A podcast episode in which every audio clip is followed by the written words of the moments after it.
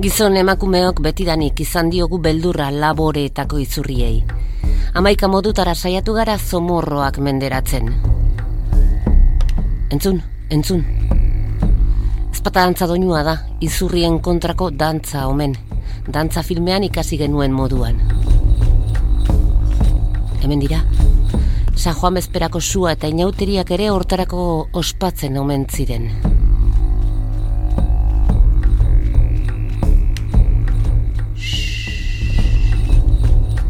Xomorro zein mozorro insektuak dira. Leka gari edo fruituak jaten dituzten ar, gurgurio, moxorro, zamorro, mamorro eta kokoak bezala. Laboreen izurriteen kontra egin aldaiteke pestizida kimikoak erabili gabe. Gaur zientzia puntu puntuan bioinsektizidak.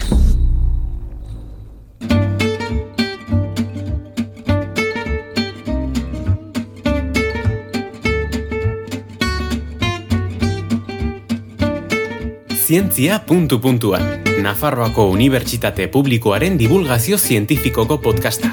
Emaio zuiaten adimenari. Ongi etorri entzule zientzia puntu puntuan podcastaren behatzigarren atalara. Entomologo baten eskutik sukaldatu behar dugu gaurko saioa. Hogei urte goiti daramate nupen virus eta bakteriekin bioinsektizidak garatzeko lanetan. Zergatik? Zertarako? Ba, insektua garbitzeko, laboren izurriteak akabatzeko, eta pestizida kimikoei alternatiba bat emateko.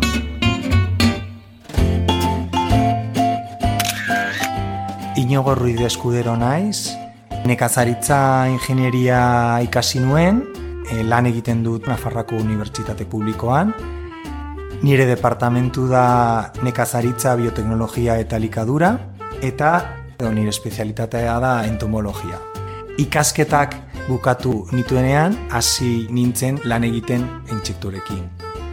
Entomologoak ikasten ditu intsektuak, haien ohiturak, egiten dute zailkapena eta biologia. Insektuen maitalea zara? Bai, noski, asko gustatzen zaizkit e intsektuak. Zomorroak, kakalardoak, sitzak, kokoak, zeinek ditu gogoko. Inigok berriz urteak daramazki ikertzen. Bai, normalean ikusten dugunean e, intsektuak pentsatzen dugu nazkagarriak direla edo jaten ari direla gure produktuak eta horregatik izurriak deitzen diegu, baina intsektu bakar ez da izurri bat. Bakarrik bihurtzen da izurria, noiz elkartzen dira momentu konkretuan egoeraren arabera eta han e, eragiten dituzte galerak, galerak ekonomikoak eta izan daitezke oso importanteak. Eta galera horiei aurre egiteko pestizida eraginkorrak asmatu zituen industriak gero. Pestizidek ordea ez diete bakarrik izurria diren zomorroei kalte egiten. Pestizida kimiko asko kaltegarriak dira osasunerako, ibaiendako, landarendako, gero guk dendan erosten ditugun fruitu eta barazkiendako. Erleak eta lurrazpiko xomorroak hiltzen dituzte ere, eta minbizia ere sor dezakete. Normaleak, intsektuak kontrolatzeko erabiltzen ditugu intsektizida kimikoak. Intsektizida kimikoak oso erabilgarriak dira eta bariabidea asko ematen digu. Baina, desabantaia importanteak ditu, baita ere. Intsektizida kimikoak usten dira gure ekosisteman ondakinak toksikoak direla. Eta asko erabiltzen baditugu osasun arazoak ager daiteke. Horregatik, desarrollatu behar dugu beste aukerak intsektizida kimikoak ez erabiltzeko. Eta aukera onena dira biointsektizidak. Hau da, gure, gure helburua beti. Ez da handia dago mundu osoan fitosanitarioen inguruan. 2000 eta amabigarren urtean onartu zen estatuan fitosanitarioen erabilera jasangarria sustatzeko legea. Baina, badirudi insektiziden eta fungiziden erabilera ez dela jetxi. Azkeneko datuek diotenez, irogeita mar mila tona urtean. Gehiagizko. Asko dira, bai. Asko da, bai, bai, bai.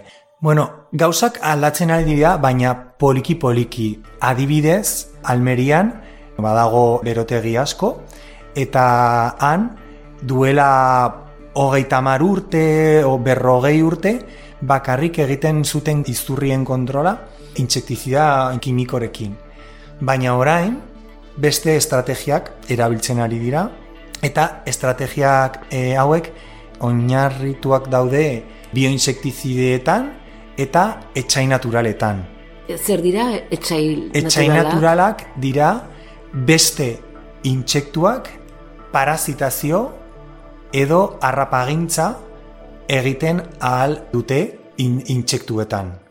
Hau da, insektu mota batek gustoko duen beste bat akabatzen du. Adibide gisa, galderna, landara zorria, desagarretarazteko erabiltzen duten estrategia.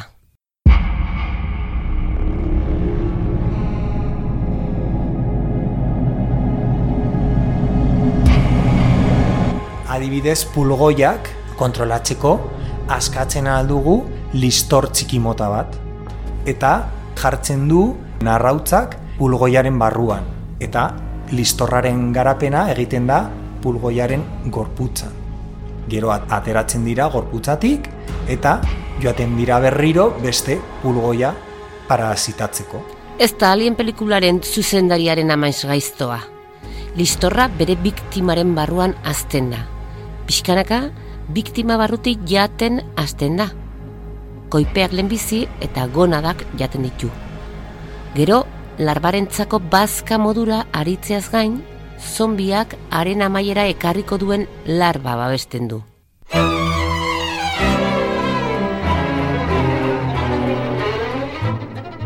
Gura goaz? Orain jongo gara insektariora, Unibertsitate Publikoko insektarioa. Zer da insektario bat? Hemen esten ditugu intsektu batzuk. Zein insektu mota dituzu hemen? Denak lepidopteroak dira, denak pinpilipausak. E, badaude espezie desberdinak adibidez, lobezia botrana, agertzen dela mastietan, helikober parmigera, agertzen dela hartoetan, edo espodoptera exigua, edo espodoptera litoralis. Eh? Non daude? Non daude hemen. Hemen ditugu lau kamara. Hemen daude. Aparategi batzu, hartzen ditugu kutsak, intsektuekin. Hau da? Crisoleisis calcites. Eta non, non ibiltzen da, edo zer gustatzen zaio? Piperrak eta baratzuri e, guztiak jaten ditu. Hemen ditugu e, hiru pertsona lan egitean. Zaintzen? Zaintzen. Eta janaria ematen? Bai, hau da janaria. Nahazten ditugu osagaiak, proteinak, karbono hidratoak, olioak, vitaminak, urarekin, gero, nahazten ditugu, batidora batekin, eta jartzen ditugu autoklabeak esterilizatzeko, garbitzeko. Eta gero ja, arrautzak jartzen ditugu eta hemen ikusten da larbak, zitzareak txiki txikiak. Hemen bakarrik produzitzen ditugu larbak. Eta gero, beste laborategian ikerketak egiten ditugu. Zema dituzu, zema mota? Orain, amar espezie. Elikatu zure neuronak zientzia puntu puntuan saioan, Nafarroako Unibertsitate Publikoaren divulgazio zientifikoko podcasta. Tximeleta itxusi baina itxusigoak ikusi ditut unibertsitatean. Ez dira bat ere erakargarriak. Tomatea, patata edo maastietan izurriteak sortzen dituzten horietakoak dira. Lepidopteroak dira intsektu mota bat eta Horrokorrean esaten dugu pinpilipausak edo polillak. Pinpilipausak ez dira kaltegarriak, helduak direnean, baina txikiak edo gazteak direnean, zizareak dira edo larbak deitzen dugu. Eta larbak jaten du landareak eta han hasten dira arazoak. Eta izurriak bihurtzen da. Larbak beti dira beragijaleak. Eta zein da orduan zuen lan hildoa? Nola kontrolatzen edo zebidea dituzte gure ikerkete. Aurkitu virus bat edo bakteria bat, izurri konkretu bat kontrolatzeko.